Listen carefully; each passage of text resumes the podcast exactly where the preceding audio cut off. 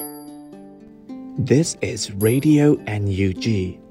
the voice of National Unity Government of Myanmar, broadcasting for Myanmar Spring Revolution. Radio NUG is transmitting from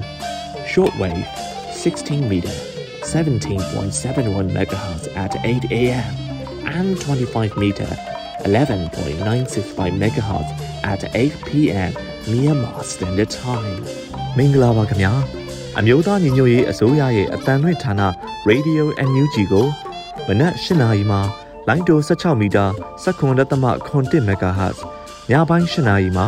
လိုင်းတို25မီတာ17.665 MHz တို့မှာဓာတ်ရိုက်ဖမ်းယူနားဆင်နိုင်ပါပြီ။မင်္ဂလာအပေါင်းနဲ့ပြည့်စုံကြပါစေ။အခုချိန်ကစပြီး Radio NUG အစီအစဉ်တွေကိုဓာတ်ရိုက်အတန်လွှင့်ပေးနေပါပြီ။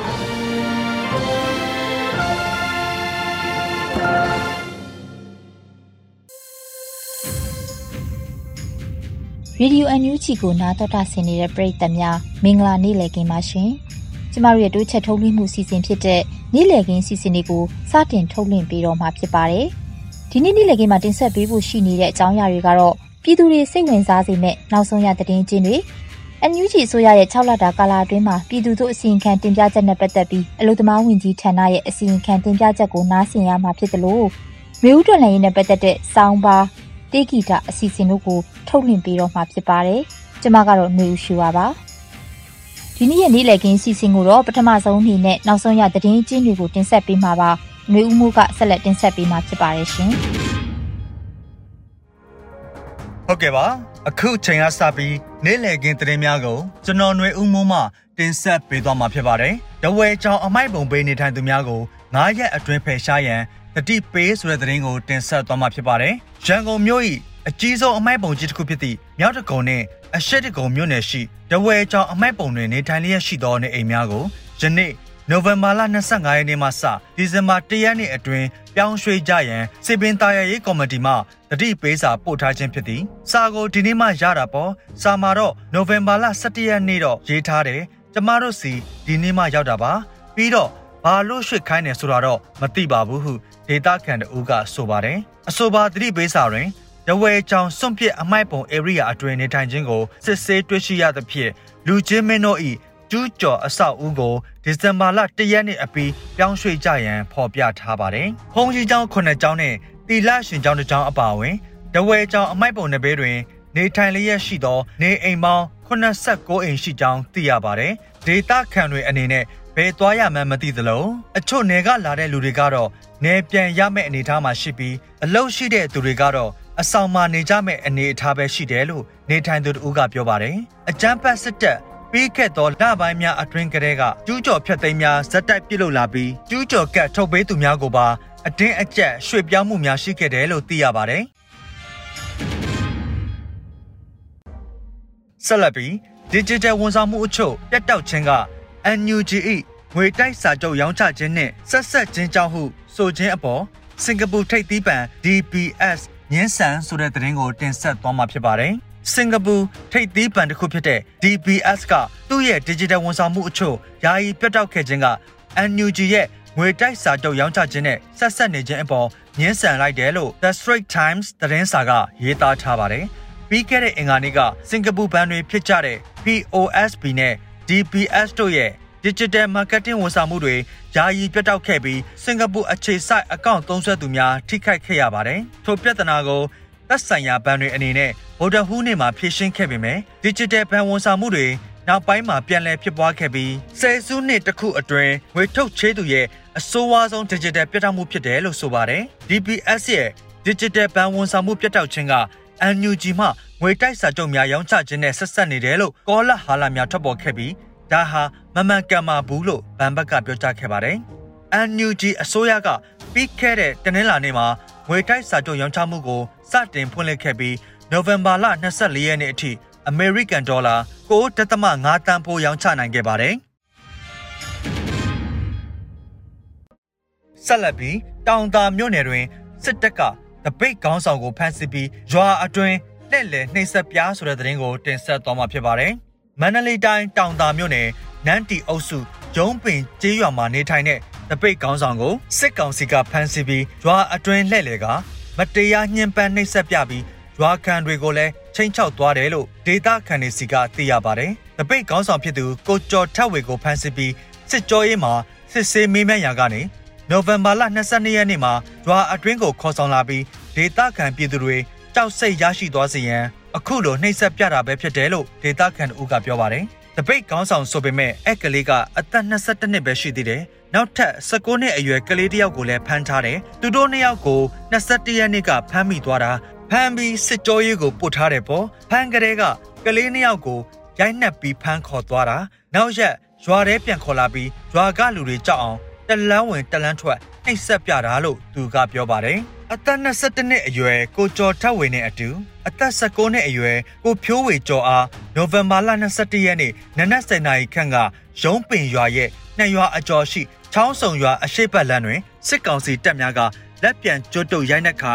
ဖမ်းဆီးခေါ်ဆောင်သွားခြင်းဖြစ်ကြောင်းဒေသခံတွေကပြောပါတယ်။သူတို့နှစ်ယောက်ကိုတောင်တာစစ်ကြောရေးကိုရိုက်နှက်ပြီးခေါ်သွားတယ်။ မနေ့ကမနက်မှာတော့ကြော်ထက်ဝေတယောက်တည်းပဲရွာရဲ့လမ်းပိုင်းမှာလက်သီးနဲ့ထိုးတနက်တင်တဲ့ခေါင်းကိုထုတယ်။ခြေထောက်နဲ့ပိတ်ကန်ပြီးခေါင်းကနေခြေထောက်အထိသွေးအလင်းလင်းပိတ်ကြတဲ့အထိတော်တော်ဆွဆွပဲသူတို့ကိုတော်လန်ရင်ဒါမျိုးဖြစ်မယ်မယုံရင်ကြည့်ထားကြဆိုပြီးလူတွေကိုအကြောက်တရားသွင်းတဲ့ပုံစံနဲ့ရိုက်နှက်ပြသွားတာပြီးတော့ပြန်ခေါ်သွားတယ်အခုတော့သေလားရှင်လားမသိရဘူးလို့ရွာအတွင်းနေထိုင်သူဒေတာခန်တူကပြောပါတယ်တောင်တာမြို့နယ်အတွင်းစစ်ကြောရေးစခန်းကို တက်ကြီးရွယ်အိုတွေရှိတဲ့ဘိုးဘွားရိတ်တာနဲ့တောင်တာမြို့ပေါ်ရှိအထက်ကတစ်စာတင်ကျောင်းတို့တွေမှာစစ်ကြောရေးစခန်းအဖြစ်အသုံးပြုနေကြောင်းသိရပါတယ်ဒါအပြင်စစ်ကောင်စီတပ်မှအင်အား100ကျော်နဲ့နိုဝင်ဘာလ23ရက်နေ့မနက်ပိုင်းတွင်ရွာထဲကိုဝင်ပြီးနေအိမ်ဆယ်လုံးခန့်ကိုလည်းဖျက်ဆီးသွားကြောင်းသိရပါတယ်။လက်ရှိအချိန်ထိစစ်ကောင်စီတပ်တွေဟာပြည်သူတွေကိုအကြောက်တရားဝင်အောင်နှီးမျိုးစုံနဲ့နှိပ်စက်တပ်ဖြတ်လျက်ရှိနေပြီးပြည်သူပိုင်ပစ္စည်းများကိုလည်းမတရားသိမ်းဆည်းလူယူမှုတွေလည်း နေ့စဉ်ကျူးလွန်လျက်ရှိနေပါတယ်။ဟုတ်ကဲ့ကျွန်တော်ຫນွေဦးမိုးပါ။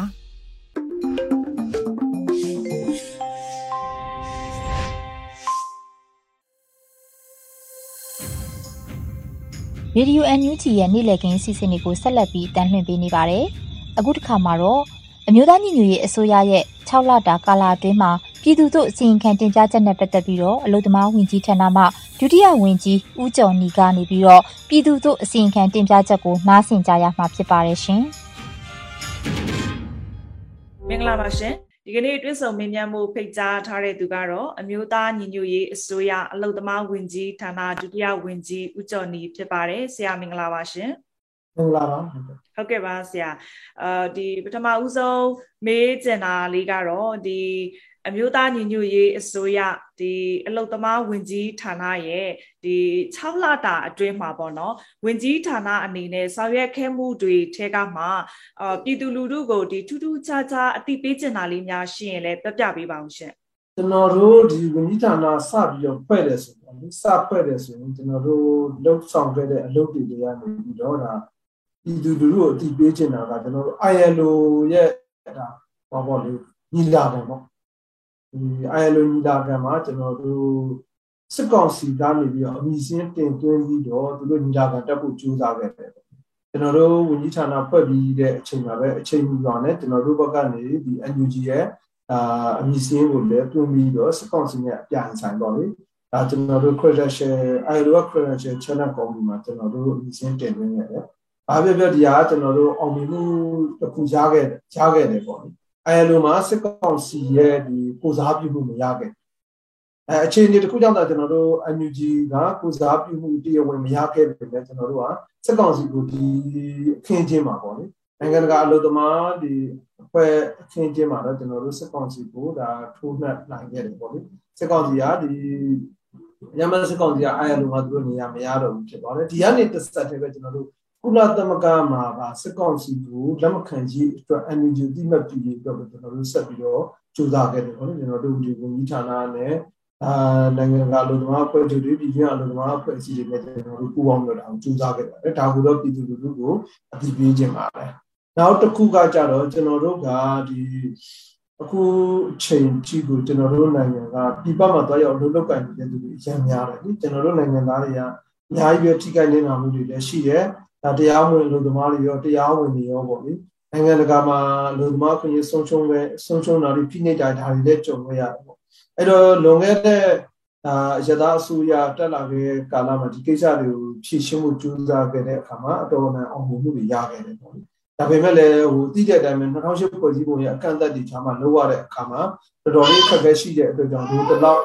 အောင်မြင်မှုတွေမရခဲ့ဘူးပေါ့နော်အဲ့တော့ကျွန်တော်တို့အခုဒီမှာရှစ်ဆက်ပြီးတော့ နောက်ဒီတော်လည်းရေးပြီးသွားလို့ရှိရင်လည်းကျွန်တော်တို့တွေရှစ်ဆက်ဆောင်ရွက်သွားလို့ရအောင်အခုချိန်นี้ကဒီအခြေခံအခင်းချင်းတွေပေါ့နော်ကျွန်တော်တို့တိဆောက်နေပေါ့အဲ့တော့ကိုရီးယားမှာကျွန်တော်တို့ကိုရီးယားရောက်အလုပ်သမားတွေနဲ့အာကိုကိုရီးယားမှာရှိနေတဲ့အလုပ်သမားရေးလုပ်ဖို့အတွက်ကိုရီးယားကအလုပ်သမားရေးလုပ်နေတဲ့အဖွဲ့အစည်းတွေနဲ့ကျွန်တော်တို့ကိုယ်စားလှယ်ကော်မတီပေါ့နော်ကော်မတီဖွဲ့စည်းနိုင်ခဲ့တယ်အလုပ်သမားရေးကကော်မတီဖွဲ့စည်းနိုင်ခဲ့တယ်အဲအကိုအလုပ်သမားရေးကကိုယ်စားလှယ်လည်းဖွဲ့စည်းနိုင်ခဲ့တယ်ပေါ့နော်ဖွဲ့စည်းနိုင်ခဲ့တယ်နောက် ဒါထိုင်းမှာဆိုလို့ရှိရင်လည်းကိုရီးယားဟိုပါပေါ့ထိုင်းအလုပ်သမားရေးကကော်မတီကျွန်တော်တို့ဖွဲ့စည်းနိုင်ခဲ့တယ်ပေါ့နောက်ထပ်ကတော့ကျွန်တော်တို့ဒါအခုကြည်တွဲမှာဆိုလို့ရှိရင်ဒါကိုဗစ်ပေါ့လေကိုဗစ်ဒါတတိယလှိုင်းဖြစ်တဲ့အချိန်မှာကျမကြီးဝန်ကြီးဌာနနဲ့ပူးပေါင်းပြီးတော့ကျွန်တော်တို့ဒီ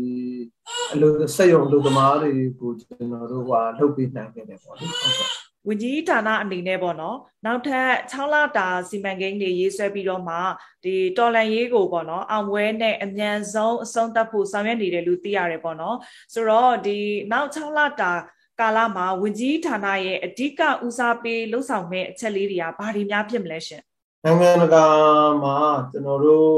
အမျိုးကြီးကိုသိမှတ်ပြုရေးကိုပေါ့လေဒီဘက်ကျွန်တော်တို့အလုပ်သမားဒုကနေပြီးတော့ တောင်းဆိုတဲ့အပါဒါကျွန်တော်တို့ဝန်ကြီးဌာနနေဥဆောင်ပြီးတော့ပေါ့လေဒီဟာကိုကျွန်တော်တို့လုပ်ဖို့ရှိပါတယ်နောက်တစ်ခုကကြတော့ဒီအလုပ်သမားတွေနဲ့ပတ်သက်ပြီးတော့ကျွန်တော်တို့က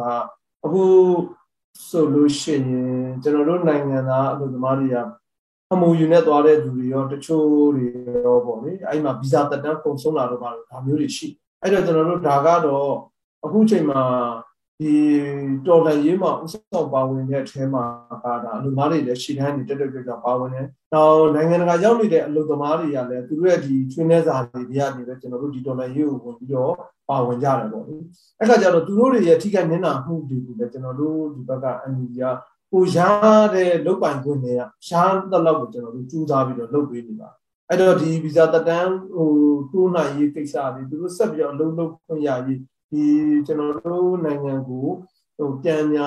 ပြန်လာခြင်းတဲ့လူတွေလည်းဒါအနှောက်အယှက်ကင်းကင်းနဲ့ပြန်လာရေးတော့လည်းကျွန်တော်တို့ဒီဘက်ကကြိုးစားနေတာရှိတယ်ပေါ့လေအဲ့ကကြတော့ဒါတွေကိုလည်းကျွန်တော်တို့ကရှေ့ဆက်ပြီးတော့ဟိုကြိုးစားသွားမှာဒါတော့ခုနဒီလုံသမားတွေရဲ့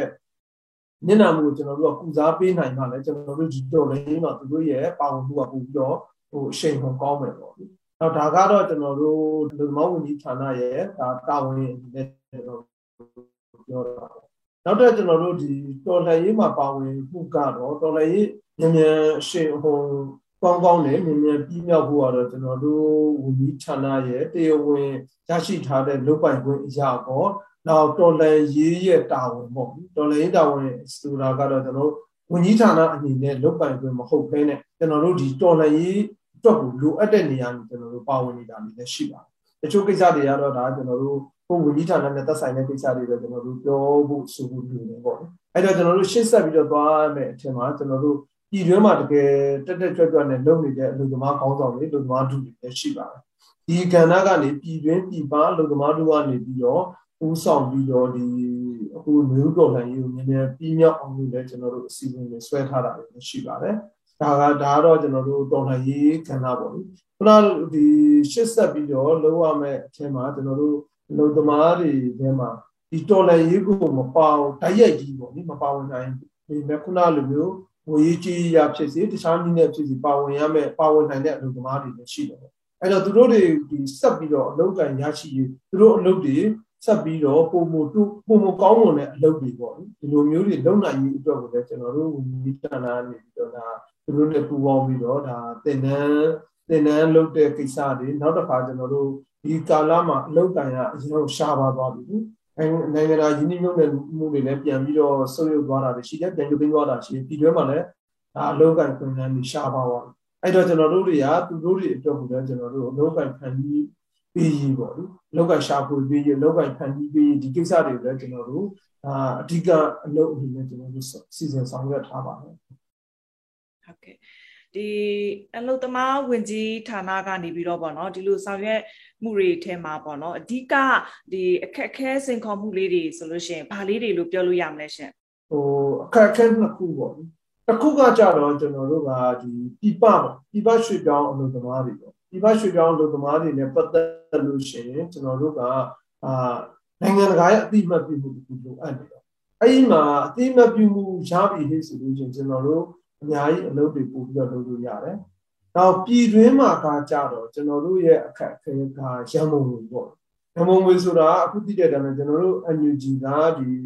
ဟောပေါ့ဗန္နာရိုက်ရရှိထားတဲ့အစိုးရမဟုတ်ဘူး။ပြည်သူလူထုရဲ့အလှူငွေနဲ့ကျက်တည်နေတဲ့အစိုးရဖြစ်တယ်။အဲ့တော့ကြောင့်အခုမှသာကျွန်တော်တို့ဒါစီမံဘဏ္ဍာဝန်ကြီးဌာနရဲ့ကျူးလာမှုနဲ့ပေါ့လေကျွန်တော်တို့အမှုလိုက်စာချုပ်ကျောင်းသားတို့ထီလို့ဒီလိုမျိုးတွေကိုကျွန်တော်တို့အာဟိုပေါ့စပြီးကျူးစားနေတာပေါ့ အဲ့တော့လက်တော်အဖြစ်မှာကျွန်တော်ပြည်သူလူထုရဲ့အလှူငွေနဲ့ပဲကျူးစားနေတာဖြစ်တယ်ရက်တည်နေတာဖြစ်တယ်ပြည်သူလူထုရဲ့အလှူငွေရလည်း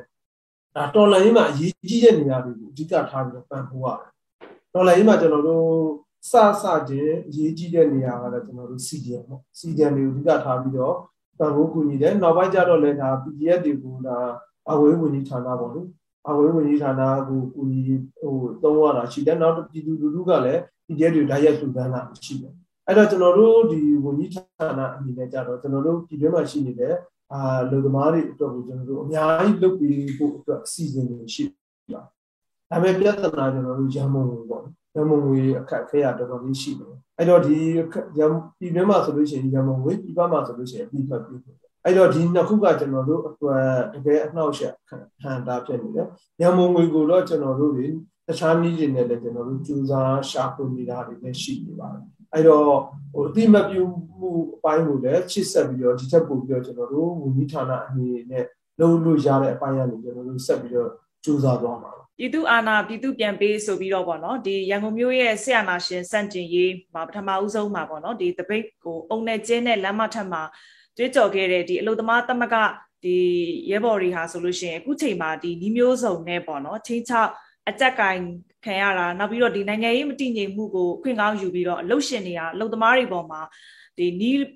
မျိုးစုံနဲ့ခေါင်းမုံဖြတ်နေတာကိုအခုချိန်မှာခံစားနေရတယ်ပေါ့နော်ဆရာဆိုတော့ဒီဝင်ကြီးဌာနအနေနဲ့လေဒီပေါ်မှာအလုရှင်တွေအပေါ်မှာလေအလုသမားတွေကိုကိုစားပြုပြီးတော့ဗာများပြောချင်တာများရှိလဲရှင်မြို့တော်လည်းစခဲ့တဲ့6ရက်နေ့ပေါ့6ရက်နေ့မှာဒါကျွန်တော်တို့အင်းနဲ့အားနဲ့တက်လာတာဒါအလိုသမားစမှုဆောင်လို့သမားတွေခြေသွန်းတက်လာတာပါ ဒါကျွန်တော်တို့ကိုယ်တိုင်လည်းပါဝင်ခဲ့တယ်ပေါ့လေဒီမှလည်းပြုတယ်အဲ့တော့အလုံသမားတူရဲ့ဒီတော်လိုင်းမှာပါဝင်မှုကအခုချိန်ထိရှေ့တန်းနေပြီးတော့နောက်ကိုရောက်မသွားသေးဘူးပေါ့ကျွန်တော်တို့တွေမြင်ပါတယ်ဒီစီဟိုအပေါ့တချို့တွေကစမှုဆောင်အလုံသမားတွေတင်မဟုတ်ပေါ့အခုချိန်မှာအရေးကြီးတဲ့ပုဂ္ဂလိကစက်တာတွေကနေပြီးတော့ပုဂ္ဂလိကလုပ်ငန်းကဏ္ဍတွေကနေပြီးတော့ဒီစီရီယံလုပ်တဲ့ပုဂ္ဂလိကစီရီယံတွေရှိတယ် သူတို့ရဲ့ CDN တွေကြောင့်ကျွန်တော်တို့ဘန်လုံငန်းတွေပါဘလောက်ကြီးဒီ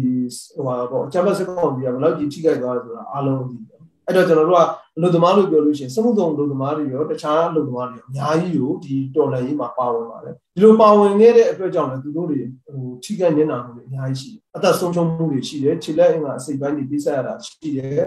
နောက်ကျွန်တော်တို့ဘဝတွေကပြတ်ခဲ့ရတဲ့သူတွေလည်းရှိတယ်ပေါ့ အဲ့တော့ဒီ CDM လုတ်တော့လဲ CDM ဒါလမ်းပေါ်ထွက်ပြီးဆန္ဒပြတော့လဲရှေ့ဆုံးကထွက်ပြခဲ့တယ်နောက်ဆုံးဒီလက်နက်ကင်တော်လည်းလုံးဝမယ်ဆိုတော့လေသူတို့တွေတော်ထဲမှာအများကြီးရှိနေတာအများကြီးရောက်နေတာကျွန်တော်တို့တွေတွေ့ခဲ့တယ်အဲ့တော့ကျွန်တော်တို့ဒီလူသမားတို့ရဲ့ဒီဟိုပါပေါ့အခုတော်လှန်ရေးမှာရှေ့ဆုံးကပေါင်းပြဆက်မှုတွေကျွန်တော်တို့ဝန်ကြီးဌာနအပြည့်မှတ်ပြုပါတယ်ကျွန်တော်တို့အားလုံးကဒီဟာကိုတမင်းတစားရှိပါတယ်လို့ဒါကိုပနာမပြောချင်ပါတယ်နောက်တစ်ခုကကြတော့ ကျွန်တော်တို့ဒီလုံသမားတွေအပေါ်ကိုဒါအလုပ်ရှင်တွေရဲ့ဖိနှိပ်မှုပေါ့ဖိနှိပ်မှုဒါကတော့ကျွန်တော်တို့ကအကျိုးစီးပွားပေါ့အကျိုးစီးပွားပြဿနာအကျိုးစီးပွားဆိုတဲ့ဟာလုံသမားတွေကိုအလုပ်ရှင်တွေကအမြဲတမ်းဒီလိုမျိုးသူတို့ရှီကနေပြီးတော့ရတဲ့လောက်ကိုညှစ်ယူခြင်းဒါကိုကျွန်တော်တို့ခေတ်ဆက်ဆက်အစိုးရတွေကနေပြီးအလုံသမားတွေကိုဥတွေနဲ့အကာအကွယ်ပေးရအဲ့တော့အလုံသမားတွေဘက်ကဘလောက်ကြီးအစိုးရကရက်တည်တယ်လဲဆိုတဲ့အပေါ်မှာ အလုံသမားတွေကအကာအကွယ်ရခဲ့တာအဲ့တော့ကျွန်တော်တို့ဟိုတမိုင်းမှာကဒါအလုံသမားတွေတွေမဟုတ်ပြည်သူလူထုအပေါ်ကိုတော့မှဇက်ကလေးမှာစေတနာမရှိခဲ့တဲ့အစိုးရတွေနဲ့ပဲကျွန်တော်တို့ကြုံခဲ့ရတော့ပြည်သူလူထုရောဒီအလုံသမားတွေပါဝင်ပေါ့လေလုံးဝဒီအကာအကွယ်ရဥပဒေအကာအကွယ်သိမရခဲ့အဲ့ဒီမှာ2012မှာဒါသူတို့ရေကြုံဒီမိုကရေစီပေါ့2008ဖွဲ့စည်းပုံအောက်ကတဘောတပြက်ပဲပေးထားတဲ့ဒီမိုကရေစီအောက်မှာကျွန်တော်တို့တွေအာအလို့သမားအခွင့်အရေးတချို့တော့ရခဲ့တယ် ရခဲ့တယ်အဲ့တော့2012မှာတိုင်ခင်တုန်းကကြာတော့လုံးဝကိုမရသလောက်ကိုဖြစ်တယ်ကျွန်တော်တို့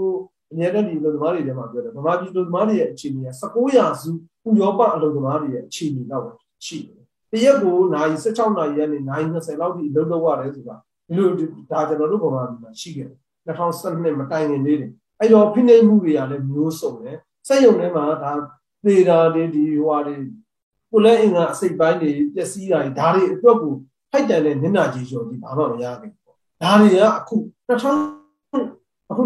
21ဖေဖော်ဝါရီတရက်နေ့အာနာသိမ့်ပြီးတဲ့အချိန်ကြောပြန်ပြန်ပြီးတော့ဒီလိုပြန်ဖိနှိပ်ကြတယ်အဲ့တော့အလုံးရှင်တွေကအလုံးသမားတွေကိုဖိနှိပ်တဲ့နေရာမှာနှစ်ခုရှိတာတစ်ခုကကြတော့ခုနအကျိုးစီးပွားအရာနောက်တစ်ခုကကြတော့သူတို့ရဲ့ဒါဟောပေါ့ဟိုထောက်ခံမှုပေါ့ဗတ်ဗတ်တဘောအရာစစ် အာဏာဆက်အာဏာရှင်တွေဒါစစ်တပ်ကနေပြီးတော့ဆက်အာဏာနဲ့အုပ်ချုပ်မှသာသူတို့ရဲ့အကျိုးစီးပွားတွေပို့ပြီးတော့ခိုင်ပါမယ်ပို့ပြီးတော့တိုးတက်မယ်လို့ယုံကြည်တဲ့အတွက်ကြောင့်ဒီဆက်အာဏာရှင်ဘက်ကနေပြီးတော့ဒီလုပ်ငန်းတွေဖိနေရရှိတယ်နောက်တစ်ခါကျတော့ခုနပြောလိုက်တာအကျိုးစီးပွားပေါ့ဒီဆက်အာဏာရှင်တစ်ထက်မှာသူတို့ကဥပဒေအကောင့်များနေတဲ့အလုပ်သမားတွေပေါ်ကနေပြီးတော့ခေါင်းမှုဖြတ်ပြီးတော့သူတို့ရဲ့အကျိုးအမြတ်များများရရှိပြီးလုပ်နေတဲ့အလုပ်ဒီအလုပ်ရှင်တွေရှိတယ်အဲ့တော့ကျွန်တော်တို့တွေကဒီအလုပ်ရှင်တွေနှစ်မျိုးစလုံးကိုကျွန်တော်တို့ကကန့်ကွက်တယ်ရှုံချတယ် သူတို့ကိုအပြစ်ပေးရေးယူဖို့အစီအစဉ်တွေလည်းကျွန်တော်တို့ရှိပါတယ်အဲ့တော့ဒီအခုကျွန်တော်တို့နင်နာနေတဲ့အလုပ်သမားတွေအတွက်ကိုကျွန်တော်တို့ဟိုသူတို့တွေတိုင်ကြားနိုင်တဲ့ချီမှုတစ်ခုကိုကျွန်တော်တို့ခံပြီးအသေးစိတ်ကျွန်တော်တိုင်ကြားနိုင်လို့ရဘယ်နေရာမှာဘယ်လိုဖိနှိပ်တယ်ဆိုသူတို့တွေရဲ့တိုင်ကြားတဲ့သူတွေရဲ့ဟိုအတွက်ကိုလည်းကျွန်တော်တို့ကဒီဘက်ကအမခံတိုင်ကြားတဲ့သူတွေတချို့တွေ ဟောပေါ့လေအုပ်စုလိုက်တိုင်ကြားတဲ့ဟိဆိုလို့ရှိရင်လည်းကျွန်တော်တို့အစုအဖွဲ့နဲ့ကျွန်တော်တို့ဒီဘက်ကနေပြီးသူတို့ရဲ့နင့်နာမှုမရှိအောင်လူချင်းဆိုလို့ရှိရင်လည်းလူချင်းနင့်နာမှုမရှိအောင်ကျွန်တော်တို့တွေဒီဘက်ကအကာအကွယ်တွေလည်းလုပ်ပေးထားတယ်ပေါ့အဲ့တော့ဒီအလုပ်ရှင်တွေခုနလိုမျိုးလုပ်နေတဲ့အလုပ်ရှင်တွေကတော့ကျွန်တော်တို့ကခွင့်လွှတ်မှာမဟုတ်ဘူးအဲဆိုတော့အခုချိန်ထိကျွန်တော်တို့ဥပဒေတွေကတည်နေသေးတယ်ဟိုမပြည့်စုံသေးပေမဲ့အလုံသမားတွေကိုအကာအကွယ်ပေးထားတဲ့ဥပဒေတွေအခုချိန်ကြီးတည်နေသေးတယ်အာဏာတက်ရောက်နေဒါကိုသူတို့ချိုးဖောက်လို့ချင်းကျွန်တော်တို့မှာက ဒီပြစ်မှုဆိုတာစွဲသွားတယ်လို့ရှိဘူးပေါ့အဲ့တော့နောက်တစ်ချိန်မှကျွန်တော်တို့အရေးယူဖို့လည်းမဟုတ်ဘူးဒီလိုပြောတဲ့အတွက်ကြောင့်ပေါ့ဒီနောက်တစ်ချိန်မှအရေးယူဖို့လက်တလုံးမှာလည်းသူတို့ကိုအရေးယူလို့ချမ်းတဲ့ညီလန်းတွေကျွန်တော်တို့မှာရှိပါတယ်အဲ့တော့ကျွန်တော်တို့အလုပ်သမားတွေကိုကျွန်တော်တို့ဟိုကာကွယ်မဲနေတဲ့အလုပ်သမားတွေနောက်တစ်ခါလူဦးတော်လည်းရေးမှာရှေ့တန်းကတက်တက်ကြွကြွဥဆောင်ဆောင်ရွက်နေတဲ့သူတွေကိုဆက်ပြီးတော့ဒီအလုပ်ရှင်တွေကဖိနှိပ်မယ်လို့ဆိုလို့ရှိရင် သူတို့စီကဒါစစ်ကောင်စီလိုပဲကျွန်တော်တို့ကရောက်လာပါတယ်။ဒါတော့ကျွန်တော်တို့ကတတိပေးလို့ပဲကျွန်တော်တို့ကဒီအခုချိန်မှာဒါပြင်ဆင်နေပြီတော့ပြင်ဆင်နေပြီ။မကြခင်မှာကျွန်တော်တို့တွေကကျွန်တော်တို့ဒီအလုပ်သမားတွေနဲ့အတူတွဲပြီးတော့ဒီမျိုးတော်လိုင်းကချစ်ဆက်ပြီးတော့ဟိုခိုင်ခိုင်မာမာတောင်းတောင်းတဲနဲ့ကျွန်တော်တို့ဟိုစောက်ဥဆောင်ဆောင်ရွက်သွားဖို့ရှိတယ်လို့အလုပ်သမားတွေကိုဖိနေနေတဲ့အလုပ်ရှင်တွေလည်းရည်ယူသွားဖို့အစီအစဉ်တွေကျွန်တော်တို့ရှိနေပါတယ်ဟုတ်ကဲ့ပါရှင်ဒီ စစ်အာဏာရှင်စနစ်ကိုပေါ့နော်အမြင့်ဖြတ်မဲ့ဒီຫນွေဦးတော်လှန်ရေးရဲ့အလားလာကိုရောဝင်ကြီးအနေနဲ့ဘယ်လိုမျိုးများသုံးသပ်ပါလဲရှင်ဒီຫນွေဦးတော်လှန်ရေးဒီနေ့ကြုံတွေ့နေရတဲ့ຫນွေဦးတော်လှန်ရေးကဒါတစ်ချိန်ချိန်မှာဖြစ်လာလိမ့်မယ်ဆိုတော့ကျွန်တော်တို့ဟိုဟိုအရင်တည်းကခံမှန်းမိတယ်ပေါ့။ဘာကြောင့်လဲဆိုတော့ကျွန်တော်တို့ဗမာပြည်ပြည်သူတွေကအင်မတန်တနာဖို့ကောင်းတယ်ပေါ့ ဟိုးဒါကျွန်တော်တို့ကိုယ်တိုင်ပါပဲပြည်သူတွေဆိုလို့ကျွန်တော်တို့ကပြီးကြမဟုတ်ဘူးကျွန်တော်တို့ကိုယ်တိုင်ဟိုပဲကျွန်တော်တို့တွေဟိုဗရေသရွေးလက်ထက်တဲ့ဟိုကကျွန်တော်တို့ရဖိနှိပ်ခံရဒါဗရေသရွေးကိုမှတခါနေချက်နဲ့နေချက်ရောက်လာတော့ကျွန်တော်တို့တွေခေါင်းတော်ဝင်ရလာဆိုမရပဲပါခေါင်းတော်ဝင်ဒါအခုခေတ်မှာကျွန်တော်တို့တွေတချို့တွေပြောကြတယ်အင်္ဂလိပ်ခေတ်တော့ဒါဖိနှိပ်မှုကတိတ်ပြီးတော့မရှိဘူးလို့ပြောကြတယ်ကျွန်တော်တို့ဆရာဆန်သဘုံထတဲ့လေသမားတော်1930လောက်မှာဖြစ် 30လောက်မှဖြစ်တဲ့အချိန်မှာဟိုကဘာပေါ်မှာရေးရေးပါတယ်ဆိုတဲ့အင်္ဂလိပ်တွေကလေသမားသဘုံတွေရဲ့ခေါင်းတွေကိုဖြတ်ပြီးတော့ရဲစခန်းရှိမှတင်ပြီးတော့လူလူကိုချင်းချောက်ခဲ့တဲ့အခြေအနေမျိုးတွေကြုံရရတယ်။အဲ့တော့ကျွန်တော်တို့ဒီလူလူက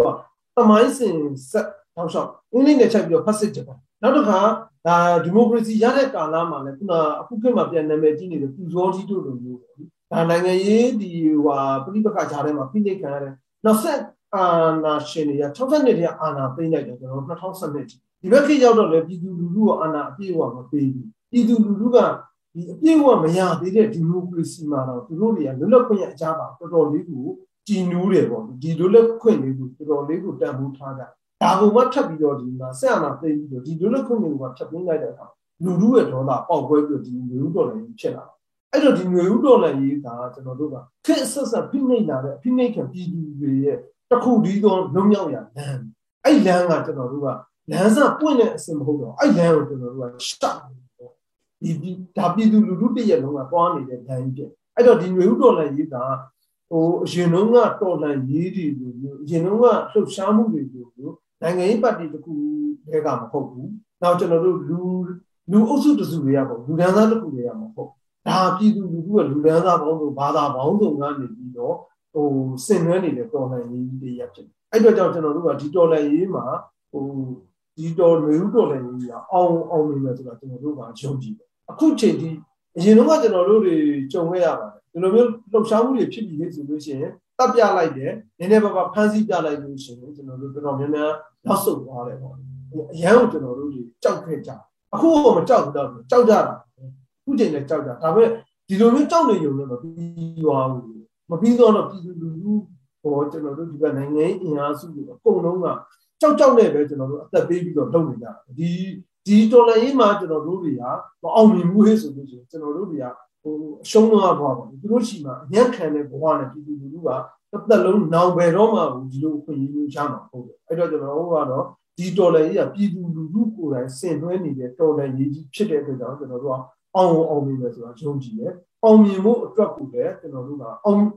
အောင်မြင်မှုလမ်းစာတွေကိုလည်းကျွန်တော်တို့ကရှောက်လန်းနေပြီပေါ့အခုချိန်မှာကျွန်တော်တို့နိုင်ငံတကာဘိုင်းမှာကြည့်လာတန်တမန်ဘိုင်းမှာကြည့်လာဒီပြည်တွင်းကအာဟို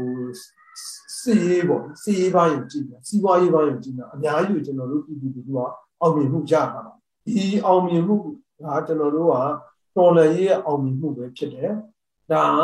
NUG ဆိုတဲ့ဟာကကျွန်တော်တို့ကတော့ဒီမှာပြောနေပြည်သူလူထုကနေပြီးတော့ကျွန်တော်ဟိုကျွန်တော်တို့ကိုတော်လှန်ရေးကိုဥဆောင်မှုအတွက်ကိုတာဝန်ပေးထားတဲ့အစိုးရတည်းရဲ့ပဲဖြစ်တယ်ကျွန်တော်တို့ကအာဏာပိုင်ဆိုပြီးတော့ de facto အာဏာရထားတဲ့အစိုးရမဟုတ်ဘူးတော်လှန်ရေးကိုဥဆောင်မှုအဲ့တော့တော်လှန်ရေးကြီးကိုဘသူတွေကဟိုဖြစ်လဲဆိုတော့တကယ်တမ်းပြည်သူလူထုကတော်လှန်ရေးကိုစတင်ပြီးတော့ပြည်သူလူထုကပဲဥဆောင်ပြီးတော့လုပ်နေတဲ့တော်လှန်ရေး ဒါပေမဲ့ဒီတော်လှန်ရေးမှာဥဆောင်တဲ့အဖွဲ့အစည်းတစ်ခုခုရှိရမယ်ဆိုတာလည်းပြည်သူလူထုကယုံကြည်တယ်ပေါ့။အဲကြောင့်ကျွန်တော်တို့ဒီ NUG ကဒီတော်လှန်ရေးကြီးမှာပြည်သူလူထုကိုယ်တိုင်ဆင်နွှဲနေတဲ့တော်လှန်ရေးကြီးမှာပြည်သူလူထုကနေပြီးတော့ဥဆောင်ခိုင်းထားတဲ့အဖွဲ့အစည်းတစ်ခုလာဖြစ်တယ်ပေါ့။အဲ့တော့ဘာပဲပြောကျွန်တော်တို့ကတော်လှန်ရေးတရားမှာဥဆောင်မဲ့အဖွဲ့အစည်းလည်းရှိတယ်။တကယ်လည်းတက်တက်ကြွကြွဆင်နွှဲနေတဲ့ပြည်သူလူထုလည်းရှိတယ်။အောင်မြင်မှုတွေလည်းရ။အဲ့တော့ကြောင့် ကျွန်တော်တို့ကဒီတော်လှန်ရေးကိုယုံကြည်အောင်မြင်မယ်လို့ကိုယုံကြည်တယ်။နောက်တစ်ခုကကြတော့အခုကျွန်တော်တို့တော်လှန်ရေးဆင်နွှဲနေတာတကယ်တမ်းကြတော့သိပြီးတော့ချိန်မရှိသေးဘူး။တစ်နှစ်တောင်မပြည့်သေးဘူးပေါ့။တစ်နှစ်မပြည့်သေးတဲ့ကာလအတွင်းမှာတော့ကျွန်တော်တို့ဒီလိုမျိုးအောင်မြင်မှုရအောင်မြင်မှုတွေရဆိုတော့ကျွန်တော်တို့တချို့တော်လှန်ရေးတွေကငင်းငါးနှစ်ကြာတယ်တချို့တွေဆယ်စုနှစ်နဲ့ချီပြီးကြာတယ်ဒါမဲ့ကျွန်တော်တို့ဒီတော်လှန်ရေးအလောက်မကြာဘူးလာပိုင်းမှာလည်းကျွန်တော်တို့အောင်မြင်မှုအသီးပွင့်တွေခံစားနေရပြီဆိုတော့ သိမကြခင်ပါဘူးကျွန်တော်တို့အောင်မြင်တယ်လို့ဒီဝါချုံကြည့်ဟုတ်ကဲ့ပါရှင်နောက်ဆုံးအနေနဲ့ပေါ့နော်ပြည်ရင်းမှာရောပြည်ရင်းပြည်ပအလုတ်သမားဒုကိုလေဝင်ကြီးဌာနအနေနဲ့ပေါ့နော်ဘလို့သတင်းစကားမျိုးလေးပါကြတာမျိုးများရှိပါလဲရှင်ကျွန်တော်တို့ဗမာပြည်မှာကတဖြည်းဖြည်းနဲ့ပေါ့လေဒီအလုတ်သမားဒုကအားကောင်းလာအားကောင်းလာပြီအလုတ်သမားတွေမှာကဟိုရင်တုန်းကကျွန်တော်တို့88ပြီးကသာအလုတ်သမားဒုလို့ဒီဘက်2000ကျော်ပေါ့လေအာ21ရာစုအစပိုင်း ပထမ10စုနှစ်ကလိုမျိုးမဟုတ်တော့ဘူးအခုချိန်မှာကျွန်တော်တို့ဗမာပြည်ကအလုတ်သမားဒုကတကယ်ကို skill တွေတက်လာပြီပေါ့တကယ်ကျွမ်းကျင်လူသားတွေလည်းဖြစ်လာအဲ့တော့ကျွမ်းကျင်လူသားတွေဖြစ်နေတဲ့အချိန်မှာဗမာပြည်မှာကဒီကျွမ်းကျင်လူသားတွေကိုပေးရမယ်အလုံးနေရာတွေမရှိသေးဘူးဒီယင်းနှမြုံနယ်မှုတွေကဒီကျွန်တော်တို့ရဲ့အလုပ်သမားတွေနဲ့တော့မှ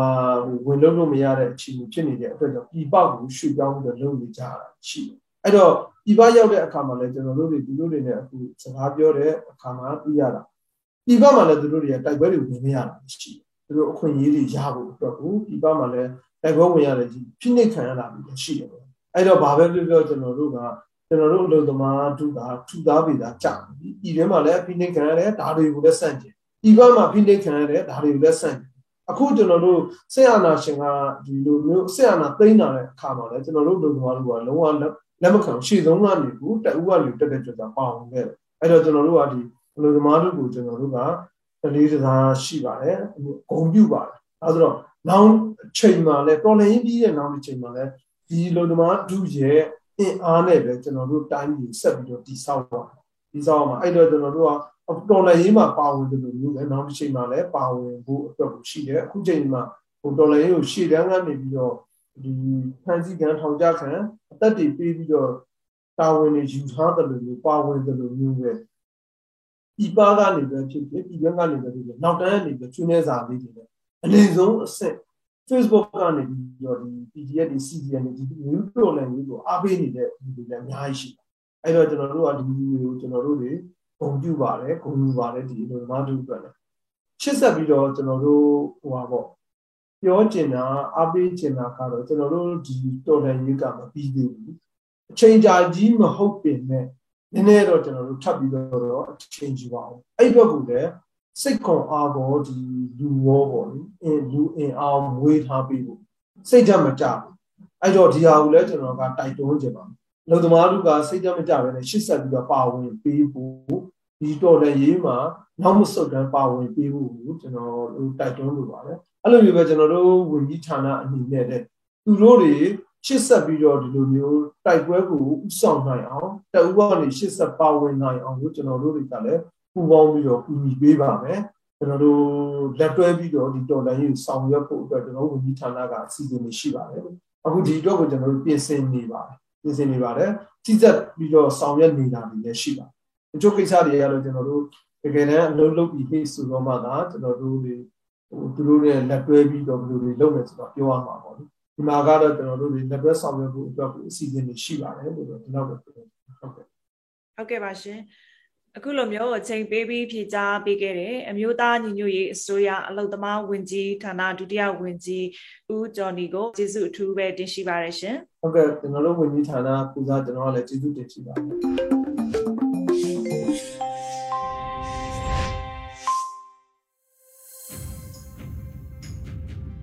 အခုတစ်ခါမှာတော့မြို့တော်လှန်ရေးကိုစတင်ပြီးအာနာဖီဆန်ရေးလှုပ်ရှားမှုတွေနဲ့ပတ်သက်ပြီးတော့ဒီနေ့ရဲ့စောင်းပါအစီအစဉ်မှာစောင်းမရှင်ဆရာဖြိုးတီဟာကရေးသားထားပြီးတော့တရုတ်ဆောင်တောင်းကတင်ပြထားတဲ့အာနာဖီဆန်မှု၄မျိုးအကြောင်းကိုနားဆင်ကြရမှာဖြစ်ပါတယ်ရှင်အားလုံးပဲမင်္ဂလာပါကျွန်တော်ဆရာဖြိုးတီကရေးထားတဲ့အာနာဖီဆန်မှု၄မျိုးဆိုတဲ့စောင်းပါလေးကိုဖတ်ပြချင်ပါတယ်အာနာဖီဆန်မှု၄မျိုးစစ်သားတွေတက်ကိုစွန့်ခွာပြီး ပြည်သူဘက်ကိုပူးပေါင်းလိုက်တာဟာသွေးမြေတစ်စက်မှမကြပဲကြည်တတောင်းမှမကုန်ပဲတစ်ဖက်အင်အားကိုရှော့ချလိုက်နိုင်တာနဲ့အတူတူပါပဲဒါကြောင့် NUG ရဲ့ကာကွယ်ရေးဝန်ကြီးဌာနကလည်းဒါကိုအလေးထားပြီးလုပ်နေပါတယ်အဲ့လိုစွန့်ခွာလာတဲ့စစ်သားတွေတစ်နေ့ထက်တစ်နေ့ပိုများလာတာကိုလည်းတွေ့ရတယ်ဒီဆောင်းပါးမှာတော့ကျွန်တော်လေ့လာမိတာလေးတစ်ခုကိုမျှဝေချင်တာပါလူပိုဖတ်မိစေချင်လို့ခက်တူတူပဲရေးထားပါတယ် စစ်သားတွေအနေနဲ့လုပ်လို့ရတဲ့အာဏာဖီဆန်မှု၄မျိုးရှိပါတယ်ဒီနေရာမှာရှင်းပြလိုတာကကျွန်တော်ဖတ်ထားတဲ့စောင်းပါးကိုတိုက်ရိုက်ဘာသာပြန်ကိုးကားတာမျိုးမဟုတ်ပဲစစ်သားတယောက်စီအလိုက်လုပ်လို့ရနိုင်တဲ့ပုံစံကိုရေးထားတာဖြစ်ပါတယ်။မူရင်းစောင်းပါးကိုလည်းကွန်မန့်မှာဖော်ပြပေးထားပါမယ်။စိတ်ဝင်စားသူတွေဖတ်လို့ရအောင်ပါ။အဲ့ဒီအာနာဖီဆန်မှု၄နည်းကတော့နံပါတ်1စစ်တပ်ထဲကအပီးပိုင်ထွက်လာပြီး CDM လောက်တာနံပါတ်2စစ်တပ်ထဲကထွက်မလာရဲ့ ထွက်မလာနိုင်သေးပေမဲ့တက်ထဲကသတင်းတွေကိုမျှဝေပေးတာနံပါတ်3အမိန့်ကိုညှင်းပယ်တာဥပမာအရက်သားတွေကိုပြစ်မိန့်ပေးလိုက်တာမျိုးဆိုမလိုက်နာတာနံပါတ်4 shocking အလုပ်ကိုတေးသေးချာချာမလုပ်တာရည်ရွယ်ချက်ရှိရှိနဲ့အချိန်ဆွဲတာနှောင့်နှေးအောင်လုပ်တာစသဖြင့်ပေါ့ဖန်ခိုင်းရင်သွားတော့ဖမ်းမယ်ဟိုကနည်းနည်းပြေးတာနဲ့မိအောင်မလိုက်ဖဲနေလိုက်တာပြစ်မိန့်ပေးရင်ချော်ပြီးပြစ်တာစစ်တာဆေးတာတွေကိုပေချာမလုပ်တာတွေ့နေမြင်နေရင်တောင် မမြင်ချင်အောင်ဆောင်လိုက်တာပို့ပြီးမြင်သာအောင်ပြောရရင် taxi driver ဆိုတဲ့ကိုရီးယားကားကိုကြည့်ဘူးကြမယ်ထင်တယ်မြို့ကနေထွက်မဲ့နောက်ဆုံးဂိတ်မှာဒီ taxi ကိုစစ်တဲ့အခါကျတော့တရင်တော့ပါလာတဲ့ကားမန်တိတိကြီးနဲ့စစ်သားကလှုပ်ပေးလိုက်တာမျိုးပေါ့အဲ့ဒီလေးနည်းထဲမှာသူကတော့အန်ဒရယ်အ ਨੇ ဆုံးလို့ပြောကြတယ်အမိတ်မနာကန်တာထက်စားရင်လွဲသွားတာနှီးတာမလုံတက်တာကအပြစ်ပေးရတာခက်တာကိုဒါကြောင့်တက်သေးကထွက်လာနိုင်ထွက်လာရဲမှ ပြည်သူနဲ့ပူးပေါင်းတာမျိုးမဟုတ်ဘူးတတခြားနီလန်း၃ခုလည်းရှိသေးတယ်ဆိုတာကိုသိစေခြင်းနဲ့ရတဲ့နီးနဲ့တော့ပူးပေါင်းကြစေခြင်းနဲ့ဘာလို့ဆိုတော့ဒီတော်လှန်ရေးဟာအစိမ့်နဲ့အနီအာနာလူကြတဲ့တော်လှန်ရေးမျိုးမဟုတ်ဘူးတက်မတော်ရဲ့ပုံရိပ်ဟာလည်းဘလောက်တောင်ကျဆင်းနေပြီလဲဆိုတာသိကြမှာပဲဒီနေ့လို social media ခက်တရင်အချက်လက်ခက်မှာစစ်တပ်ရဲ့စိုးရုပ်မှုတွေဟာလေပြင်းမှာဆင်သွားသလိုထင်ထင်ရှားရှားကြီးကိုမြင်နေရပြီတကဘာလုံးတနိုင်ငံလုံးကလည်းသိနေပြီအဲ့ဒါကို အတင်းမျက်စိစွတ်မှိတ်ပြီးငင်းမနေနဲ့တော့ရှေ့ကိုဘာဆက်လုပ်မလဲဆိုတာကစဉ်းစားတဲ့အချိန်ရောက်နေပြီဒီတော့အာနာရှင်လူတစုကောင်းစားရေးအတွက်ကာကွယ်ပေးနေရတဲ့မာဖီးယားဂိုင်းတာတာလောက်ဖြစ်နေတဲ့မြမတက်မတော်ရဲ့ပုံရိပ်ကိုမြင့်တင်ချင်တာဖြစ်ဖြစ်လက်ရှိမှာတတိုင်းပြည်လုံးကယုံမုန်းတာကိုခံနေရတဲ့ဘဝကနေရုံထွက်ချင်တာဖြစ်ဖြစ်တက်တွင်းဗိုလ်ကျအနိုင်ကျင့်မှုတွေကနေလွတ်မြောက်ချင်တာဖြစ်ဖြစ်နောက်ဆုံးကုန်ကုန်ပြောရရင်အခြေအနေမဟန်တော့တဲ့အဖွဲ့အစည်းဘက်မှမနေချင်တော့လို့ပဲဖြစ်ဖြစ် ပြည်သူဘက်ကိုအမြန်ဆုံးပူးပေါင်းကြစေချင်ပါတယ်ဒေါက်တာဖြိုးတီဟာ18ရက်10လ2021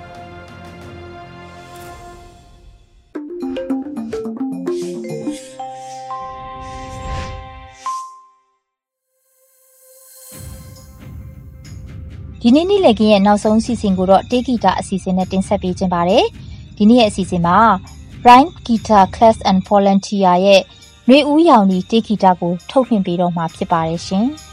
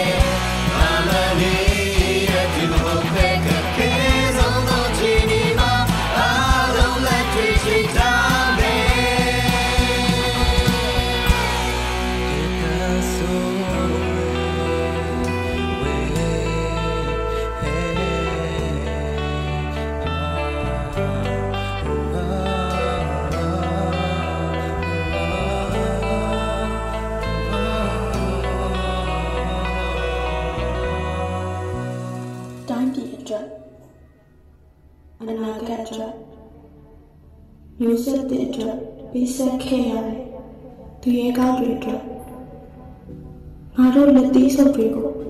တင်းကျပ်နေအောင်ဆုပ်ထားတာငါတို့ပြန်ပြီးချဖို့မဟုတ်ဘူးအငတ်ခံပြီးဒုက္ခခံပြီးစီခြင်းလုပ်နေတဲ့ဝန်ထမ်းတွေကငါတို့ပြည်သူတွေအကြမ်းဖက်စစ်တပ်ကြောင့်ယောဂကဆူကြီးကိုမခုခံနိုင်ပဲမရှိနိုင်မကယ်နိုင်လေ အသက်တွေပေးခဲ့ရတာငါတို့ပြည်သူတွေအိုးအိမ်တွေပြည့်မိသားစုကိုပြည့်နောင်ကျိုးတွေကိုဖြတ်ပြီးဆေးရစွာတိုက်ပွဲဆင်နွှဲနေကြတယ်ပြည်သူ့ကာကွယ်ရေး PDF ကငါတို့ပြည်သူတွေမတရားမှုကိုရရရရဆန့်ကျင်ရင် အသက်တွေပေးခဲ့ရတဲ့လူငယ်တွေပြည်သူတွေကငါတို့ဒီကောင်မမတွေငါတို့ရဲ့သွေးတွေငါတို့ရဲ့လူမျိုးတွေငါတို့ဘယ်တော့မှသွေးမအေးဘယ်တော့မှစောထားတဲ့လက်ကိုပြန်ပြင်းချအဆုံးထိတိုက်မယ်အဆုံးထိတော်လာမယ်အဆုံးထိတောင်းခံကြမယ်ဒီနေ့ညနေလာတဲ့အခါငါတို့တွေ တယောက်နဲ့တယောက်ဖတ်ပြီးမှုကြတယ်ငါတို့လက်တွေအချင်းတိချိတ်ထားမယ်ငါတို့ရှေ့ဆက်တူတူဆက်တွန်းနေကြငါတို့အမှန်တိုက်ကိုတိုက်ကြတယ်ငါတို့လက်တွေလုံးဝမဖြုတ်ဘူးမရှိတော့ဘူးအောင်ရမယ်